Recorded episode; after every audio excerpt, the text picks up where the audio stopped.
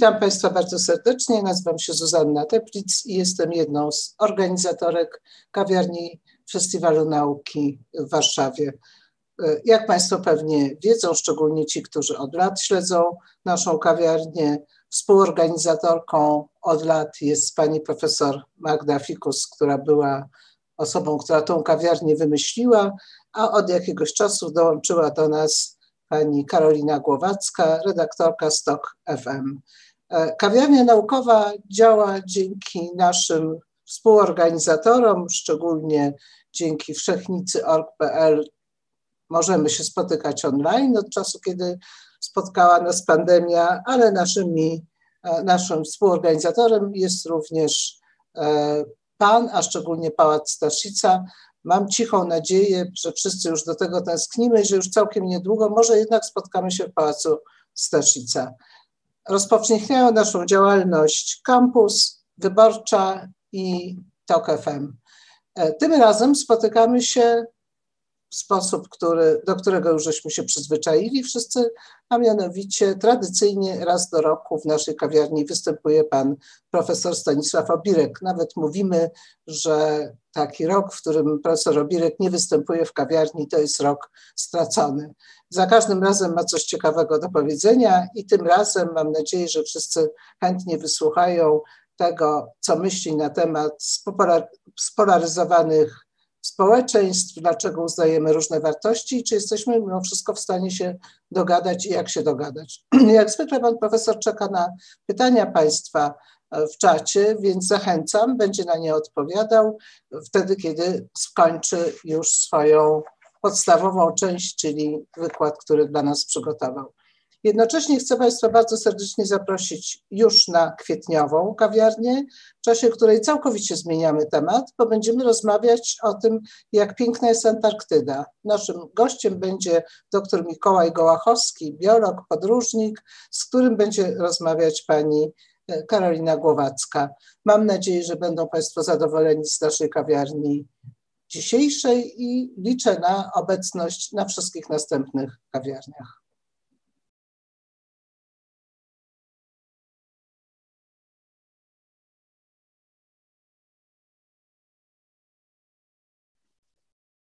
Dzień dobry, a właściwie dobry wieczór Państwu. E, bardzo się cieszę, że się e, spotykamy, choć ciągle jest to taka forma zapośredniczona przez technologię, no ale dzięki technologii w ogóle się możemy spotykać, więc i, i to jest dobra wiadomość w tych ograniczeniach, jakim podlegamy.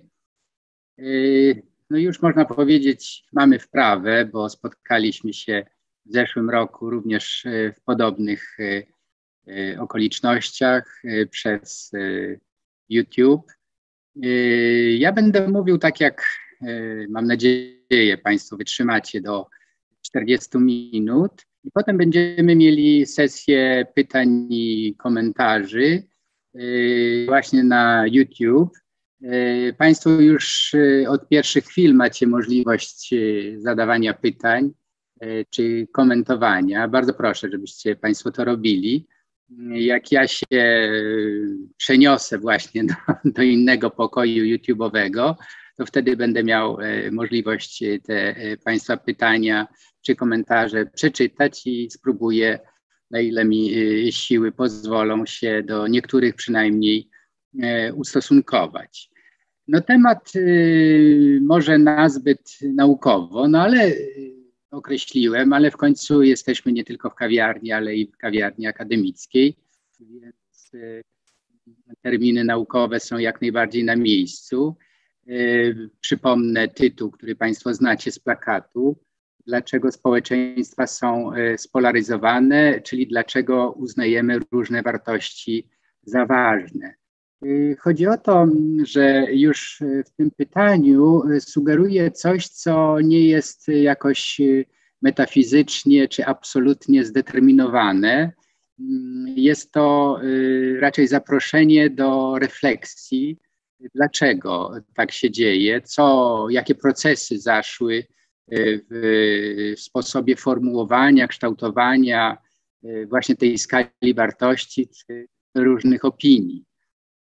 E, Ze względu na moje zawodowe, że tak powiem, skrzywienie, od lat zajmuję się przede wszystkim Ameryką. No i również w takich spotkaniach mniej formalnych, jak to nasze, te moje zawodowe zainteresowania siłą rzeczy są w mojej głowie obecne. Stąd wydawało mi się, że nie będzie od rzeczy, jeśli włączę w ten nasz e, namysł nad e, e, podziałami istniejącymi właśnie sytuację amerykańską. Tym bardziej, że chyba w Polsce coraz bardziej odczuwamy powinowactwa ze Stanami Zjednoczonymi.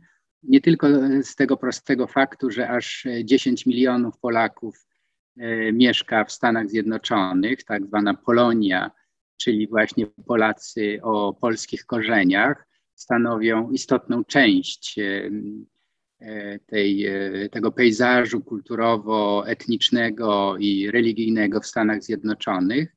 Więc siłą rzeczy te związki, choćby z tego względu, są bardzo mocne i historycznie odczuwalne. Już nie wspomnę o tych naszych dwóch wielkich Polakach, którzy u początków Stanów Zjednoczonych zaznaczyli swoją obecność, e, Tadeusz Kościuszko i Kazimierz Puławski, ale na przestrzeni ostatnich 200 lat tych e, związków by się znalazło jeszcze więcej. Jednak e, nasze dzisiejsze spotkanie nie będzie miało charakteru historycznego, ale właśnie taki nazwałbym y, namysł y, o charakterze antropologiczno-religioznawczym. To znaczy, y, z jednej strony zastanawia mnie, dlaczego społeczeństwo amerykańskie, przecież tak bardzo dumne z własnej historii, z własnej amerykańskiej tożsamości, i wydawałoby się, że ta mocna tożsamość amerykańska powinna stanowić źródło ich jedności, a jednak y, zwłaszcza w ostatnich y, dziesięcioleciach obserwujemy rosnącą polaryzację tego społeczeństwa. Y, chyba prezydentura minionego prezydenta Donalda Trumpa ten podział i te polaryzacje bardzo jeszcze zaostrzyły. Teraz no sam fakt, że na Trumpa głosowało 70 milionów, y, czy nawet ponad 70 milionów obywateli amerykańskich oznacza, że y, dla wielu ta prezydentura była ważna, była udana i chcieli jej kontynuacji. Y, blisko 80 milionów głosowało na obecnego prezydenta, więc widać wyraźnie, że duża część jednak opowiedziała się przeciwko kontynuacji prezydentury Trumpa. Ale znowu y, nie politologiczny wywód y, jest w centrum mojej uwagi, mm, ale raczej, jak w tym krótkim zaproszeniu na dzisiejsze spotkanie zaznaczyłem, e, interesuje mnie przede wszystkim religia. I to religia właśnie jako ten wymiar życia społeczeństwa amerykańskiego, który właśnie dzieli i polaryzuje nie łączy. Wydawałoby się, że etymologicznie religia e, powinna łączyć. E, przypomnę, że z łacińskiego religio to jest łącze, a tymczasem właśnie religia okazuje się jest tym elementem polaryzującym.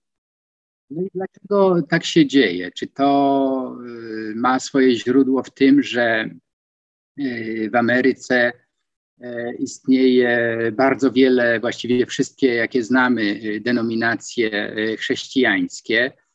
Kościół katolicki wcale nie jest najmocniejszym, jest owszem ważnym wyznaniem.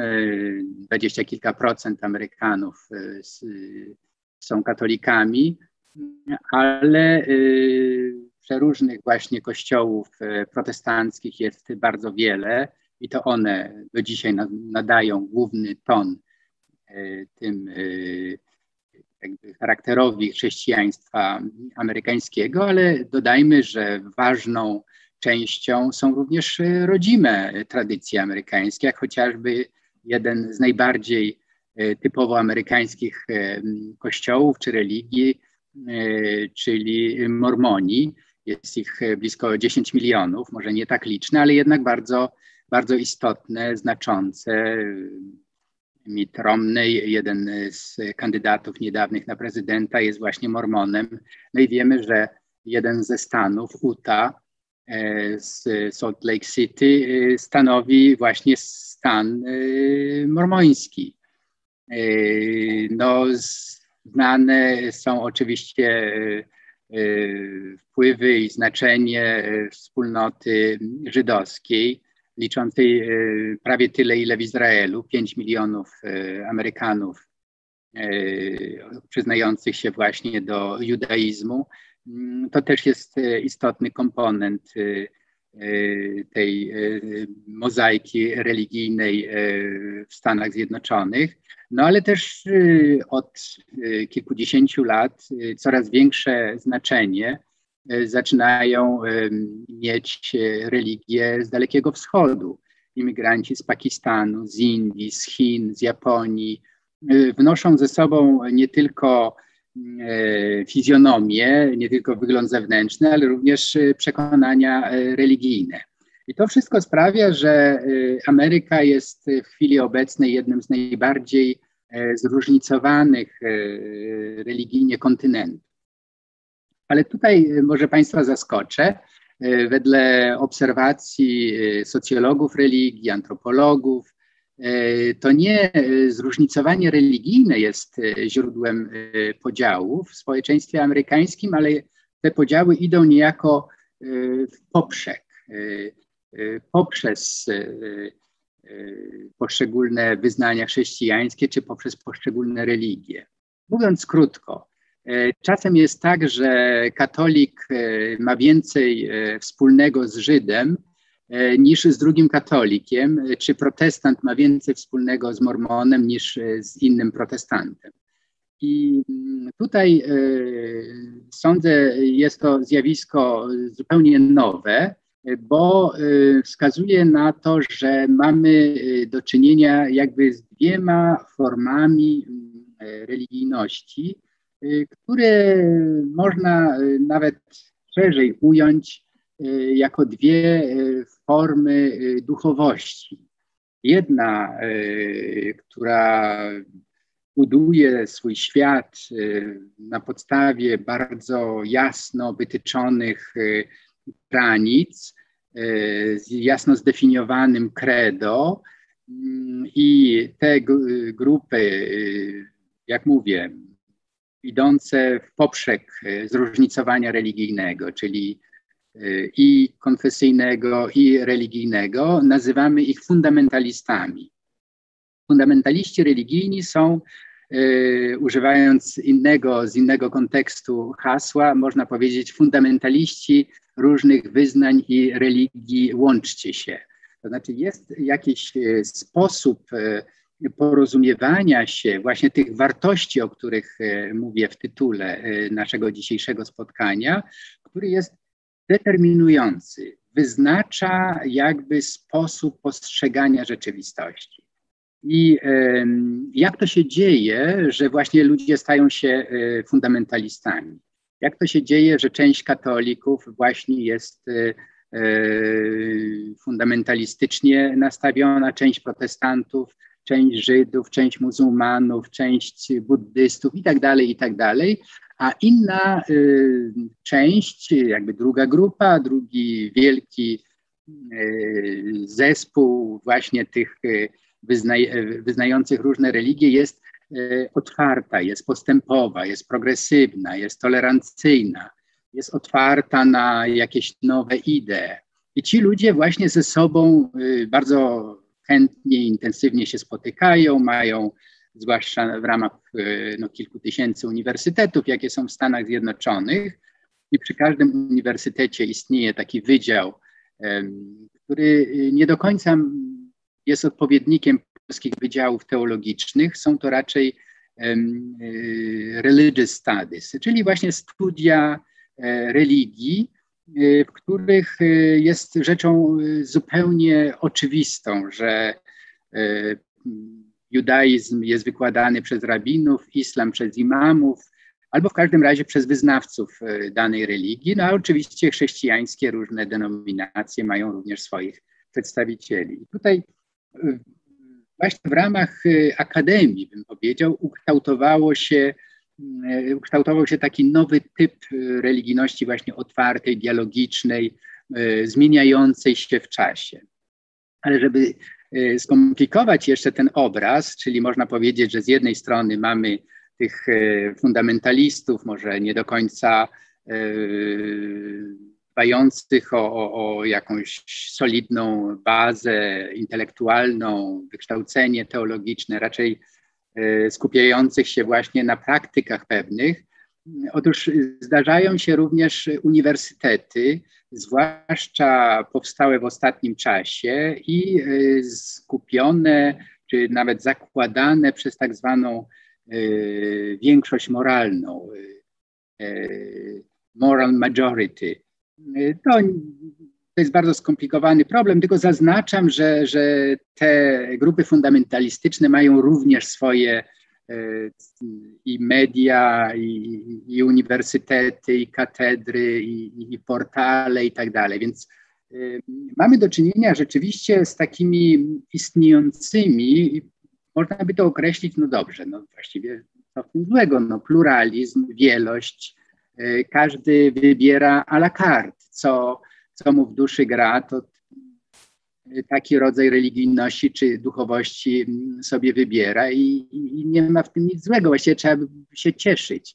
No, problem jest taki, że y, ten pluralizm nie zawsze prowadzi do takiego harmonijnego, jak moglibyśmy sobie wyobrażać, współistnienia tych grup, tylko wytwarza się niekiedy bardzo ostra y, polaryzacja właśnie, wykluczanie y, jednej wspólnoty przez drugą, y, stygmatyzowanie, piętnowanie. I to się odbywa wokół pewnych znowu wartości. Jedną z najbardziej, tu dla polskiego słuchacza to nie jest zaskoczenie, że jednym z najbardziej polaryzujących elementów tej skali wartości y, to jest y, aborcja, stosunek do życia nienarodzonego. Mamy z jednej strony właśnie ruchy y, pro-life, właśnie te broniące życia nienarodzonego wszelkimi możliwymi sposobami i mamy ludzi pro-choice, czyli za wyborem, który uży, którzy uważają, że ciąża y, nie jest y, jakąś wartością absolutną, tylko właśnie podlega pewnym negocjacjom, y, czy to samej zainteresowanej kobiety, czy grupy, czy. No i tutaj można powiedzieć, ale to w dużym uproszczeniu, że również ten podział zasadniczy między fundamentalizmem religijnym i często politycznym i właśnie tą otwartą e, postawą e, przebiega również w ten sposób, jak wspomniałem wcześniej, czyli mamy tych fundamentalistów, którzy są absolutnie za obroną życia od poczęcia i tych, którzy uważają, że to powinno podlegać właśnie negocjacjom tej sytuacji y, napięć, y, to dotyczy również osób LGBT, to dotyczy mniejszości, y, również seksualnych, mniejszości etnicznych, to jest stosunek również do czarnych, to jest stosunek do imigrantów. No, ta lista jest rzeczywiście długa i można ją spokojnie przyporządkować tym dwóm grupom. Jest jeszcze, żeby ciągle jestem przy wstępnych rozważaniach, ale myślę, że one są ważne, dlatego że nam dają jakby szerszy kontekst do tego, jak to się dzieje, że ludzie mieszkający w tym samym kraju, mówiący tym samym językiem, e, często e, przyznający się do tej samej historii, wyznają zupełnie inne wartości. Otóż jest pewna grupa trzecia, którą na użytek naszego spotkania nazwę bezwyznaniowcami.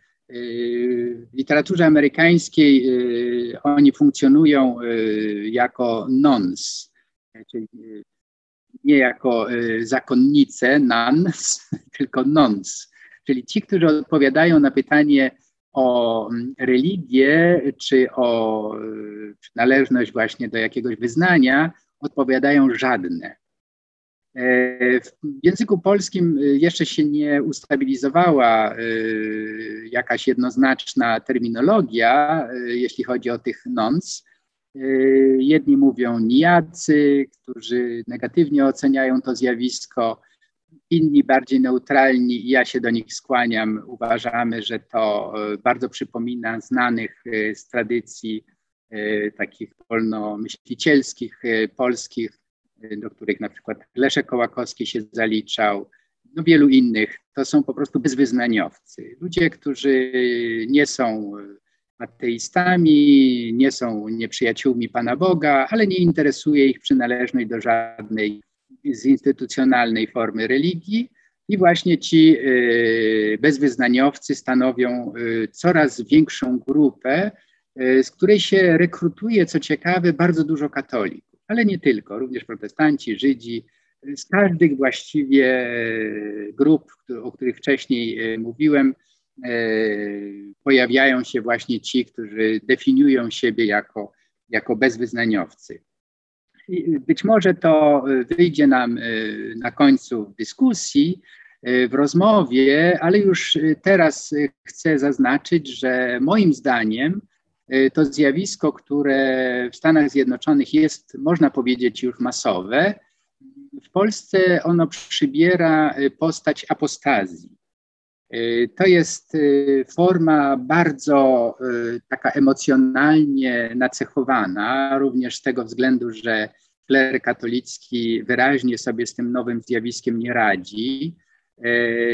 Często pojawiają się dramatyczne czasem albo humorystyczne E, reportaże, artykuły na ten temat w polskiej prasie, ale e, można powiedzieć, że polskich apostatów, e, których liczba, jak mówię, z każdym rokiem rośnie, i tych amerykańskich bezwyznaniowców łączy przekonanie, że religie, jeśli są zorganizowane właśnie w jakieś takie instytucje, kościoły, są raczej e, szkodliwe, a w każdym razie nie odpowiadają, powiedzmy tak bardziej ostrożnie, nie odpowiadają potrzebom duchowym właśnie tych, e, tych osób, których liczba ciągle rośnie. wydaje mi się, że to jest coś, co wiele mówi o tych napięciach, o których wspomniałem. To znaczy pojawia się i są mm, coraz więcej e, teologów, również katolickich, Jednym z nich jest e, bardzo wybitny e, teolog z Georgetown University, e, Peter Phan, o wietnamskich korzeniach, który poświęcił tym bezwyznaniowcom wiele tekstów i jego zdaniem to są, wręcz on używa słowa prorocki wymiar chrześcijaństwa dzisiaj. O tych bezwyznaniowcach chrześcijańskich wypowiada się bardzo pozytywnie i ciepło bo twierdzi, że właśnie taka e, jednoznaczna deklaracja dystansu do istniejących kościołów wymaga olbrzymiej odwagi, bo to oznacza przede wszystkim konflikt z rodziną, często z najbliższym otoczeniem, z kręgiem przyjaciół, no, z miejscem pracy. I to, jeżeli ktoś e, ma dobre argumenty, żeby właśnie podjąć taką dramatyczną decyzję, to zdaniem e, Petera Fana, i ja się skłaniam do jego opinii, za tym stoi jakaś bardzo przemyślana y, strategia kształtowania swojego życia na własny rachunek. Więc można powiedzieć, że to jest taka realizacja e, postulatu Immanuela Kanta, który na pytanie, co to jest oświecenie, odpowiedział właśnie, że jest to gotowość y, wyjścia z zawinionej niedojrzałości. Że człowiek jakby decyduje się i bierze swoje mm, przeznaczenie, swoją przyszłość we własne ręce. To jest, y, jak sądzę, y, bardzo interesująca y, wykładnia tego, co się w tej spolaryzowanej społeczności amerykańskiej dzieje i być może moglibyśmy te kategorie również przełożyć na warunki polskie. Widzę, że już połowa mojego czasu minęła, więc teraz pierwsza część moich rozważań zatytułowałem sobie ją Czy zderzenie cywilizacji i wojny kulturowe to fakt, czy konstrukt kulturowy? Inaczej mówiąc, czy to, o czym do tej pory mówiłem, a co jest y, odnotowywane w wielu artykułach, książkach, no, medialnych debatach, czy to jest właśnie tylko taka e, teoretyczna Y, wytworzona przez y, głównych uczestników debaty publicznej rzeczywistość, czy ona jest faktyczna, to znaczy, czy odpowiada tej społecznej rzeczywistości. Tutaj, jak zwykle, zdania są podzielone. Ja krótko je przywołam i potem na, na, na końcu oczywiście podzielę się z Państwem tym, tą opinią, która odpowiada również mojemu stanowisku. No i będę zaciekawiony, ciekaw y, również Państwa zdania, co, co o tym sądzicie. Więc kilka nazwisk, no bo nazwiska i tytuły książek są przy takich okazjach e, e, konieczne, żebyśmy wiedzieli, w jakim e, kręgu, że tak powiem, w jakiej przestrzeni kulturowej się obracamy. Y, większość z tych tytułów są również e, obecne w polskiej przestrzeni publicznej. Są tu niektóre z tych książek czy artykułów są tłumaczone na język polski, więc łatwo Państwo rozumiecie, o co mi chodzi. Pierwszy to jest artykuł, esej e, Samuela Huntingtona z 1993 roku, e, no już klasycznym tytule Zderzenie cywilizacji. E, ten e, esej e, napisany przez profesora Uniwersytetu Harvarda, niezwykle wpływowego politologa, odbił się szerokim echem nie tylko w Stanach Zjednoczonych, był komentowany globalnie, można powiedzieć, no i sprawił, że Huntington poszedł za ciosem i trzy lata później, zbierając trochę te echa tej debaty wokół swego tekstu, eseju pod tym samym tytułem e, opublikował książkę. E, jedno i drugie, zwłaszcza książka, została udostępniona w możliwych językach, więc jest również do, w języku polskim. E, no i dla wielu to brzmi bardzo sugestywnie. Są tacy, którzy twierdzą, że to jest taka forma trochę plagiatu z książki polskiego historyka Feliksa Konecznego o wielości cywilizacji. To jest taki element, y, który jest dyskutowany w literaturze przedmiotu, ja w to nie będę wchodził. W każdym razie dla wielu ludzi to jest bardzo przekonująca teza. Ja myślę, że ona jest przekonująca dlatego, że ona y, bardzo sugestywnie wyjaśnia y, istniejące konflikty, napięcia, wojny, no i się po prostu łatwo tłumaczy. No wiadomo, no, cywilizacja zachodnia, e, a cywilizacja islamska to są rzeczy nie do pogodzenia i historycznie skłócone. No i mo moglibyśmy tutaj e, daleko chodzić i analizować. Ja tylko sygnalizuję to jako, jako problem, który postawił Huntington i wielu, tak powiem w cudzysłowie, kupiło ten jego pomysł. Tym samym czasie pojawiła się książka irlandzkiego y, y, politologa y, Freda Hallidaya, Islam i mit konfrontacji. Ta książka również jest dostępna w języku polskim, ale założę się, że dla większości Państwa to nie jest tytuł znany. Otóż Fred Halliday, który znał wiele języków, również języki semickie, znając właśnie złożoną y, historię krajów Bliskiego Wschodu, pokazywał, że tutaj y, mamy do czynienia bardziej z tą sytuacją, o której powiedziałem w, na początku. To znaczy, że wewnątrz poszczególnych krajów, wewnątrz poszczególnych religii istnieją podziały właśnie na linii otwartości, postępu, tolerancji i fundamentalizmu, a nie, że ze swej istoty islam jest taki czy ze swej istoty judaizm jest taki. Mi się wydaje, że to jest bardzo ważna korekta, której właściwie nie usłyszeliśmy. Nie usłyszeliśmy dlatego, bo to wymaga większego nakładu właśnie lektur, przemyśleń, no, znajomości po prostu detali. Że historia jest o wiele bardziej skomplikowana niż e, by się nam e, wydawało. Ja się skłaniam do tego, że jednak to Holiday i ci wszyscy, którzy są za dialogiem, wymianą, osmozą, przenikaniem się różnych kultur, niż ci, którzy właśnie są jednoznacznie za Huntingtonem, za e, napięciami między poszczególnymi cywilizacjami czy kręgami kulturowymi. No, ale podobna teza czy problem, jaki pojawił się również w Stanach Zjednoczonych w latach 90., został sformułowany w 91 roku w takiej książce Wojny kulturowe. Wojny kulturowe przez e, Jamesa Davidsona Huntera. E, no i ta książka znowu podobnie jak książka e, Huntingtona, choć nie została przełożona na język polski, ale w języku, w, w kontekście wewnątrzamerykańskich y, debat, to funkcjonuje jako o, wreszcie ktoś nazwał rzecz po imieniu, tak?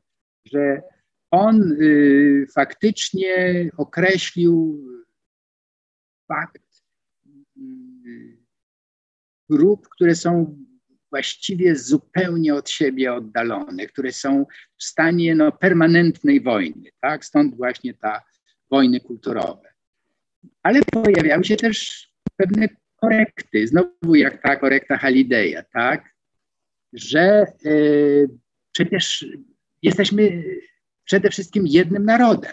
To jest taki Alan Wolf, y, który y, właśnie taką książkę kilka lat później napisał. Jeszcze jedna sprawa, która jest głosem w dyskusji na temat właśnie tych wojen kulturowych, i to jest książka, którą y, znamy również y, z polskiego przekładu. Y, w 2007 roku się ukazała i to jest książka bardzo wpływowej historyczki, politolożki Gertrudy Himmelfart. Jej tytuł brzmi Jeden naród, dwie kultury. To jest książka, która w sposób bardzo sugestywny pokazuje, że owszem, Ameryka, więc to nie jest taka ostra teza jak Huntera, że jest właśnie, że żyjemy w, w kontekście wojen kulturowych, ale że owszem, jesteśmy jednym narodem, ale mamy przynajmniej dwie kultury. I ta e, teza Gertrudy Himmelfart jest bardzo popularna również w Polsce i może o tym jeszcze e, więcej powiem, ale za tym się kryje właśnie to przekonanie, że od 68 roku, od wielkiej rewolucji obyczajowej, no, religijnej, ta, ta rewolucja ogarnęła naprawdę no, i, i wydziały e, uniwersyteckie, no właściwie całość życia i rodzinnego. I mamy od tamtego czasu zdecydowanie dwie kultury. Właśnie takie E, powiedzielibyśmy, modernistyczne, postmodernistyczne, relatywizujące wszystko, otwarte na eksperymentowanie również z modelem rodziny, na takiej pełne otwartości, e, otwarcie na grupy mniejszościowe.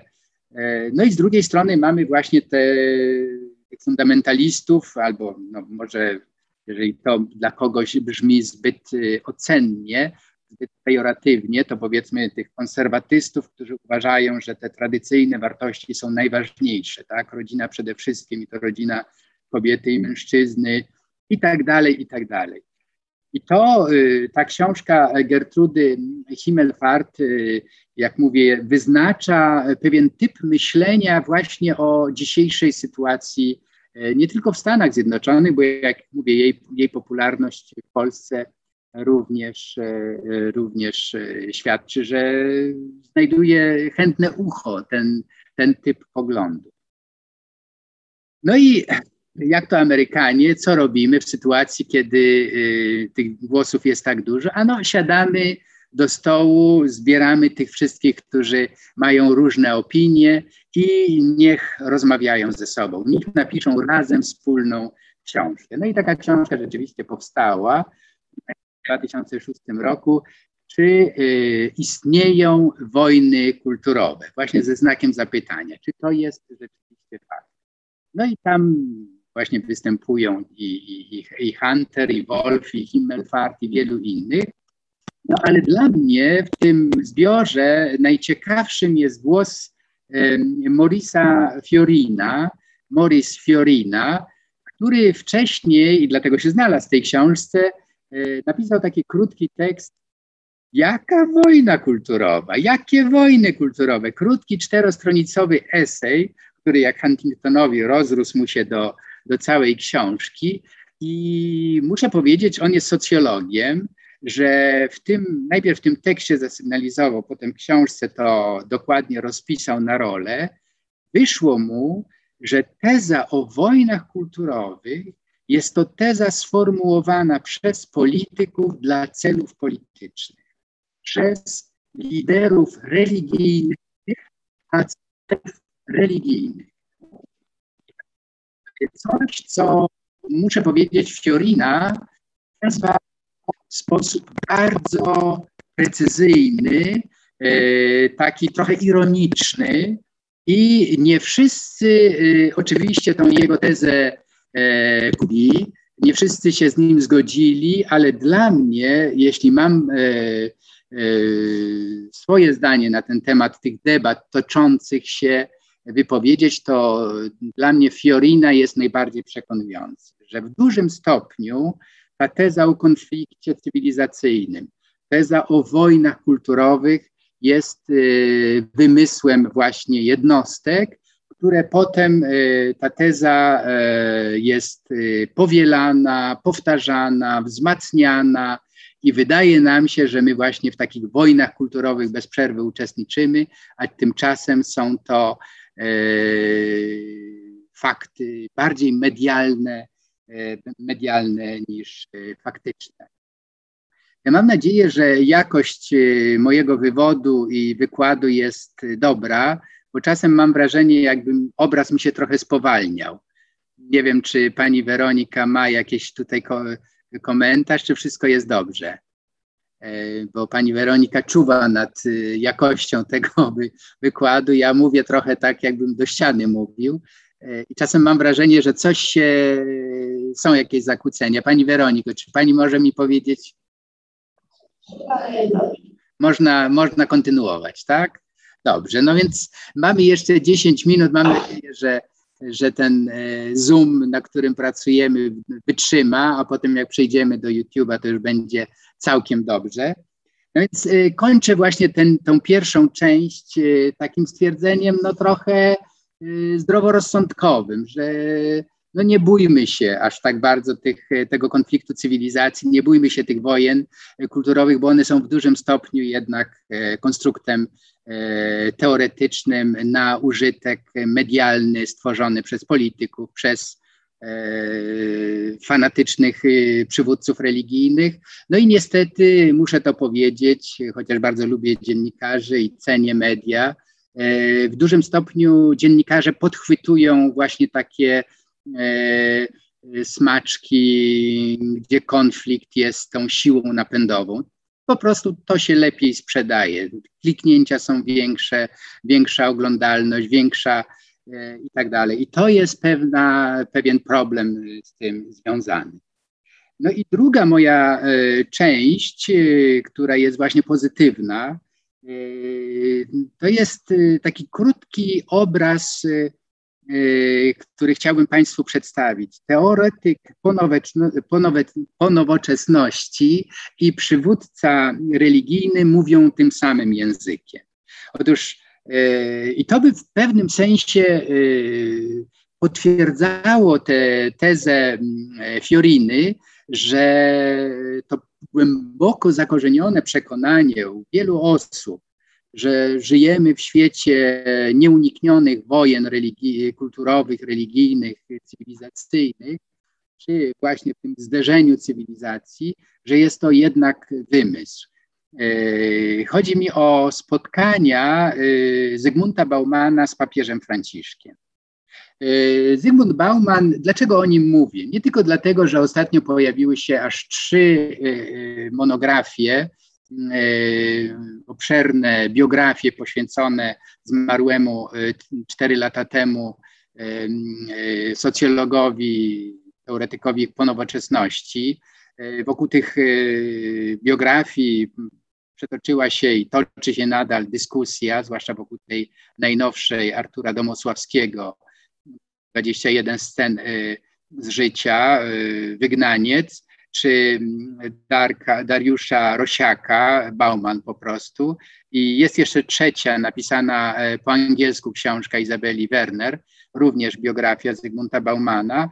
Więc y, uwaga czytelników, y, zwolenników, i fanów, i wrogów, i, i nieprzyjaciół Zygmunta Baumana skupia się przede wszystkim na jego biografii, na związku między jego życiem w Polsce e, komunistycznej, potem emigracji, na jego roli w prowadzeniu tutaj e, systemu komunistycznego po wojnie i tak dalej. Otóż nie to e, ciągnęło moją uwagę i dlatego chcę o tym Państwu powiedzieć.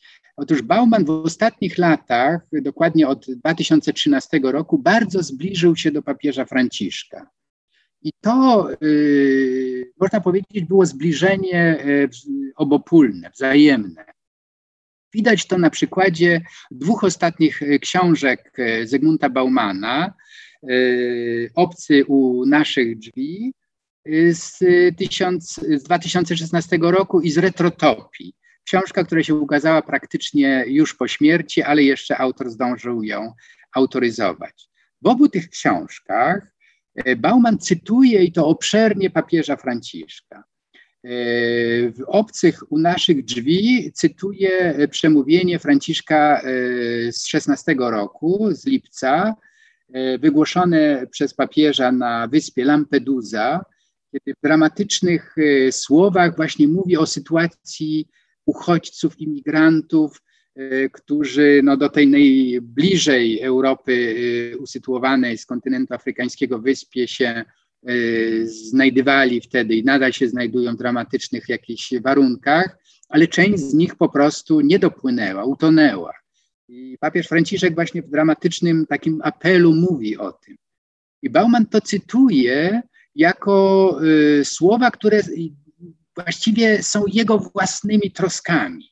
I to jest coś niebywałego, że właśnie z jednej strony jest y, przywódca religijny, i z drugiej strony człowiek, dla którego religia nigdy nie była ważna.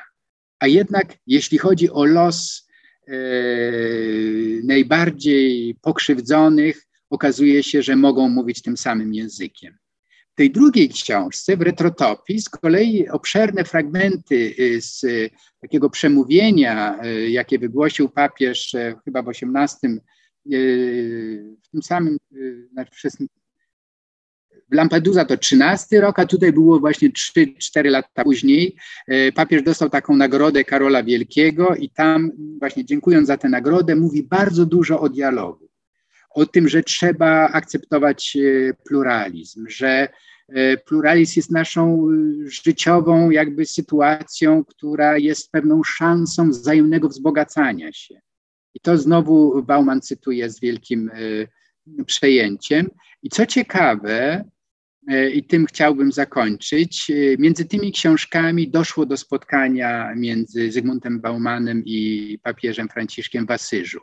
Bauman był wielokrotnie zapraszany przez wspólnotę e, świętego Idziego do, y, na różne ich spotkania. To jest taka bardzo właśnie tolerancyjna, otwarta, progresywna wspólnota katolicka.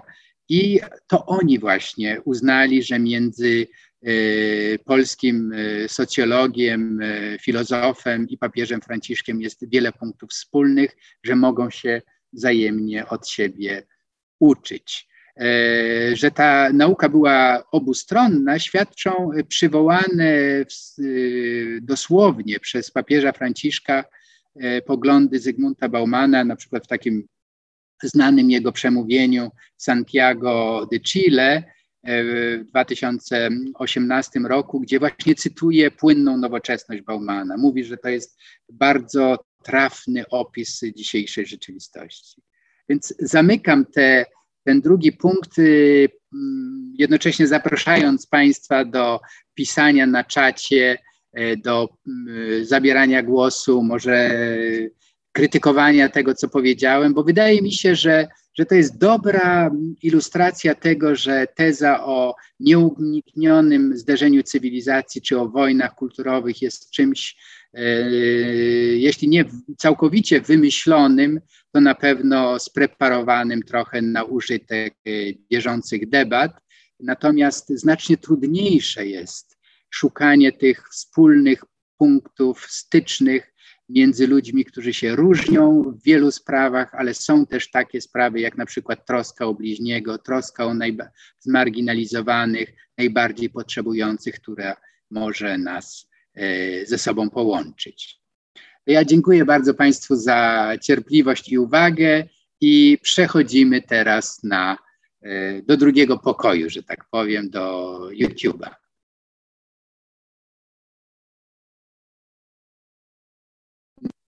Tutaj y, już na razie tylko dzień dobry.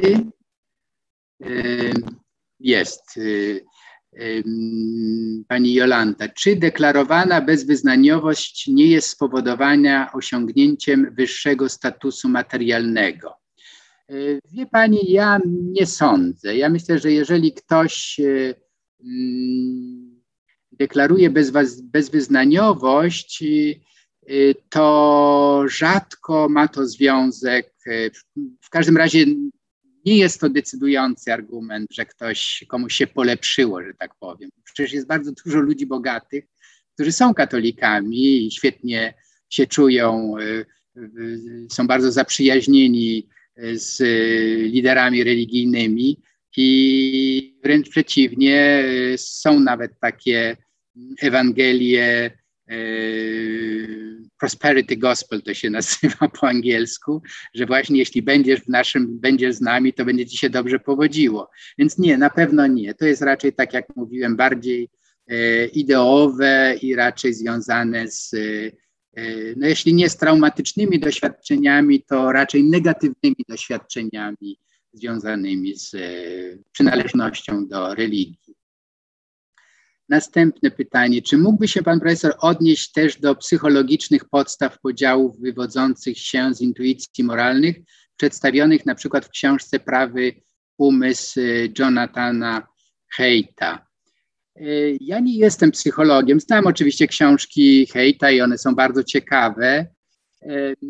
Muszę powiedzieć, że na, w moim pojmowaniu religii psychologia, psychoanaliza, y, owszem, jest ważna, ale w sytuacjach raczej y, takich konfliktowych, gdy y, mamy do czynienia z pewnymi traumami związanymi z religią. I wtedy rzeczywiście Freud czy Haidt może nam tutaj pomóc. Natomiast na pewnym poziomie takiego zrównoważenia psychicznego myślę, że dyskurs y, religijny jest autonomiczny wobec psychologii. Ja mówię, że one są e, często ze sobą splecione i funkcja e, księdza w konfesjonale i psychologa na kozetce e, często się ze sobą łączą, ale jednak ja bym tutaj był ostrożny w takim automatycznym przenoszeniu analiz psychologicznych na płaszczyznę właśnie religijną. E, następne pytanie. Czy w USA, e, pan Wojtek, zauważalny jest problem żerowania fundamentalistów na tak zwanych white trash i czy owych e, white trash można porównać do jakichś grup w Polsce, na przykład biednych emerytów ubogiej ludności wiejskiej? No, dotknął Pan bardzo ważnego problemu i on, on rzeczywiście łączy Polskę ze Stanami Zjednoczonymi. E, ten e, white trash to jest oczywiście bardzo mocne określenie, oznacza jakby takich odrzuconych, e, jak Bauman by powiedział, ludzi na przemiał. W szersze, jako szersza kategoria, ja bym powiedział, że są to ludzie o głęboko zakorzenionym resentymencie, jakiejś takiej pretensji do świata, że z takich czy innych powodów zostałem pominięty w rozdawaniu czy w podziale torta. No i, i, i, należy mi się więcej. I myślę, że ten y, dyskurs takiego tak, godnościowy, czy należy ci się więcej, twoje pretensje są zasadne, odgrywa dużą rolę rzeczywiście i w Stanach Zjednoczonych, i w Polsce. Tutaj myślę zwłaszcza o tym kompleksie medialnym ojca Rydzyka, który wyraźnie buduje swój przekaz religijny na obrazie wroga, czyli wróg, który organizuje e, wyobraźnię religijną adresatów. I niestety e, i w, i w Stanach, i w Polsce rzeczywiście fundamentaliści religijni, czyli ci właśnie, którzy nie dostrzegają tych wspólnych elementów łączących bardziej ludzi, e, tylko szukających właśnie za wszelką cenę wrogów, takie odwoływanie się do faktycznego czy, czy wyimaginowanego poczucia krzywdy odgrywa ogromną rolę. Tak, to jest prawda. E, dobrze. E, pan Piotr, dorzucę lek, do lektur George'a Korna Religia i polityka XXI wieku.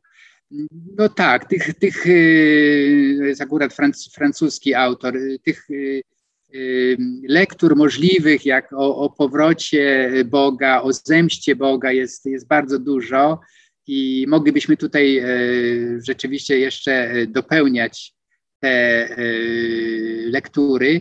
E, natomiast dla mnie najważniejsze było, żeby uchwycić pewne istniejące dyskursy, które, które upraszczają nam skomplikowany bardzo świat i taki nieoczywisty. Wydaje mi się, że e, autorzy, którzy zbyt e, mocno e, koncentrują naszą uwagę na tym właśnie, że mamy do czynienia z jakimś powrotem agresywnej religijności, albo że właśnie postkolonialny dyskurs, tak, że ludzie marginalizowani, krzywdzeni, no wreszcie należy im się, żeby oni też mieli swoje miejsce w historii, tak, że ten dyskurs y, bardzo niebezpiecznie idzie właśnie w kierunku tego e, Huntingtonowskiego zderzenia cywilizacji. Mniej natomiast jest tej, tej próby dekonstrukcji tych, tych wizji, mniej uwagi na to, że wielu krajach dochodzi właśnie do spotkań. No, to mój bardzo taki bliski przykład y, mojemu sercu, jak y, chrześcijaństwo w XVI-XVII wieku, dzięki jezuitom zresztą, y, potrafiło dialogować z konfucjanizmem w Chinach, czy właśnie z hinduizmem i, i z buddyzmem w Indiach. Bardzo mało o tym mówimy, że synkretyzm religijny, który do niedawna był uważany za herezję, w tej chwili staje się coraz bardziej takim y, ważnym y, pojęciem, które może organizować nasze myślenie o wielości religii. Ktoś następny. Czy są prowadzone badania w Azji, Rosji, czy są jakieś publikacje na ten temat? No, Azji jest bardzo dużo. O Azji jest bardzo dużo, również o Rosji. No, u nas publikacje zmarłego niedawno Andrzeja Walickiego są absolutnie bezcenne na temat tego, co się w Rosji dzieje. Y, bardzo ciekawe są y, książki y, Mariana Brody na temat Rosji putinowskiej. Także literatura dotycząca takiego rozbudzenia religijnego w Rosji, tego upolitycznieniu, upolitycznienia prawosławia, są bardzo ciekawe i rzucają sporo światła również na to, co się w Polsce dzieje.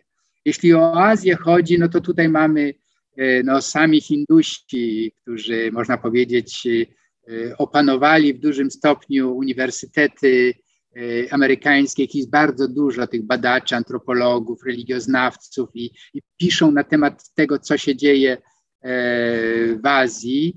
Na przykład ostatnio miałem kontakt z taką książką o postsekularyzmie religijnym w Azji. Ratti Manav, taki badacz pracujący w Stanach Zjednoczonych, piszący po angielsku, ale pochodzący właśnie z Indii, który pokazuje, jak te procesy globalizacyjne do, są obecne w Azji. Także dla chętnych y, mamy tutaj naprawdę całą bibliotekę. E, pan Rafał. Oddalenie się od religii koreluje nie, tylko z, nie tyle z bogactwem, co z bezpieczeństwem socjalnym. Norris, Ingelhard, Sacred and Secular. No dobrze, że Pan na to zwrócił uwagę. Oczywiście, że to jest cała szkoła właśnie Ingelharda i Norris.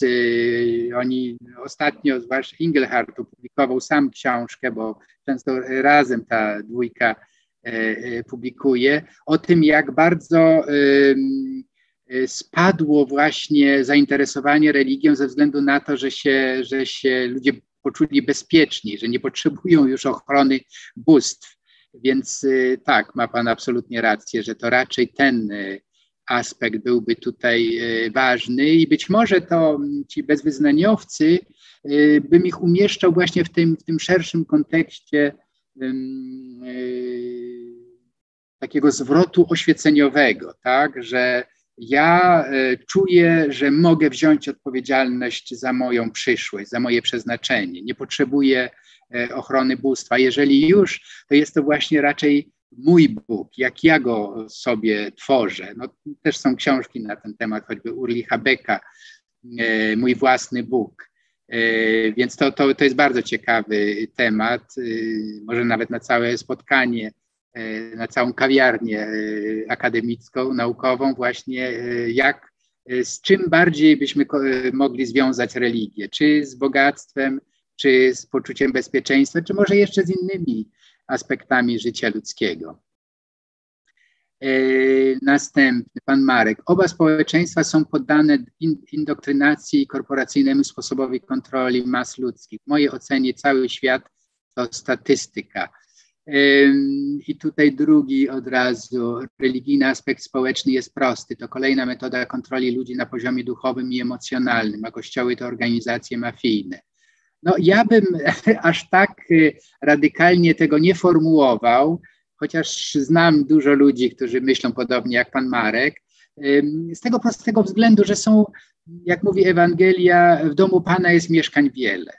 Y, ilu ludzi, tyle religii, bym powiedział. Każdy z nas jest nośnikiem jakiegoś y, innego modelu religijnego. I tak na 7 miliardów y, ludzkości, y, licząc y, tak bardzo schematycznie, chyba jakieś 6 miliardów to są ludzie religijni, a miliard to są właśnie agnostycy, niewierzący, ateiści i tak dalej. Więc nie wygląda na to, żeby religie miały zniknąć, a stygmatyzowanie religii jako organizacji mafijnej wydaje mi się trochę zbyt daleko idące i zbyt y, upraszczające nadal skomplikowaną rzeczywistość, no bo gdzie umieścimy tych wszystkich e, naszych mistrzów e, religijnych, jak chociażby Abraham, Joshua Heschel, e, dla wielu ojciec Wacław Chryniewicz, no, czy papież Franciszek. No, naprawdę są ludzie, którzy potrafią, Dalaj Lama, liderzy religijni, którzy, mm, którzy potrafią y, zapalić własnym świadectwem, po prostu tym, jak swoją religijność przeżywają. Nie wszyscy, jak Pan tutaj dalej nam sugeruje i pewnie ma Pan rację, są dowody, są publikacje. Ja, ja sam muszę powiedzieć, że trochę się przyczyniłem do tego, żeby E, zróżnicować taki e, idealistyczny obraz polskiego katolicyzmu i polskiego e, papieża. Uważam, że trzeba o tych sprawach mówić, o których Pan na czacie tutaj nam sygnalizuje, jak właśnie sprawy Banco Ambrosiano, morderstwa. No to, to, to, to nie są wymysły medialne, tylko to są fakty. To ma Pan absolutnie rację i, i, i trzeba o tym mówić, nagłaśniać, ale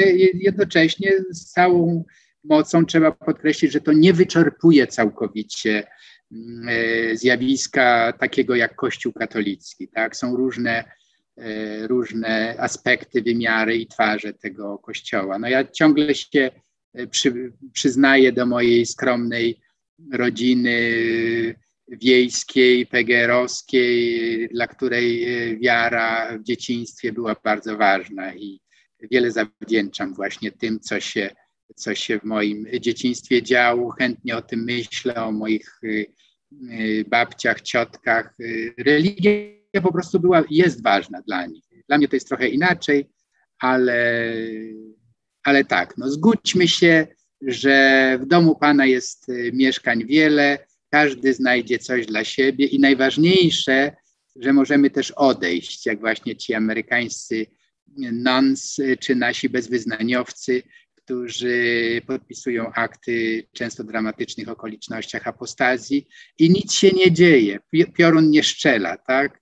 Można, y, można wystąpić, można żyć na własny rachunek i ja to szanuję.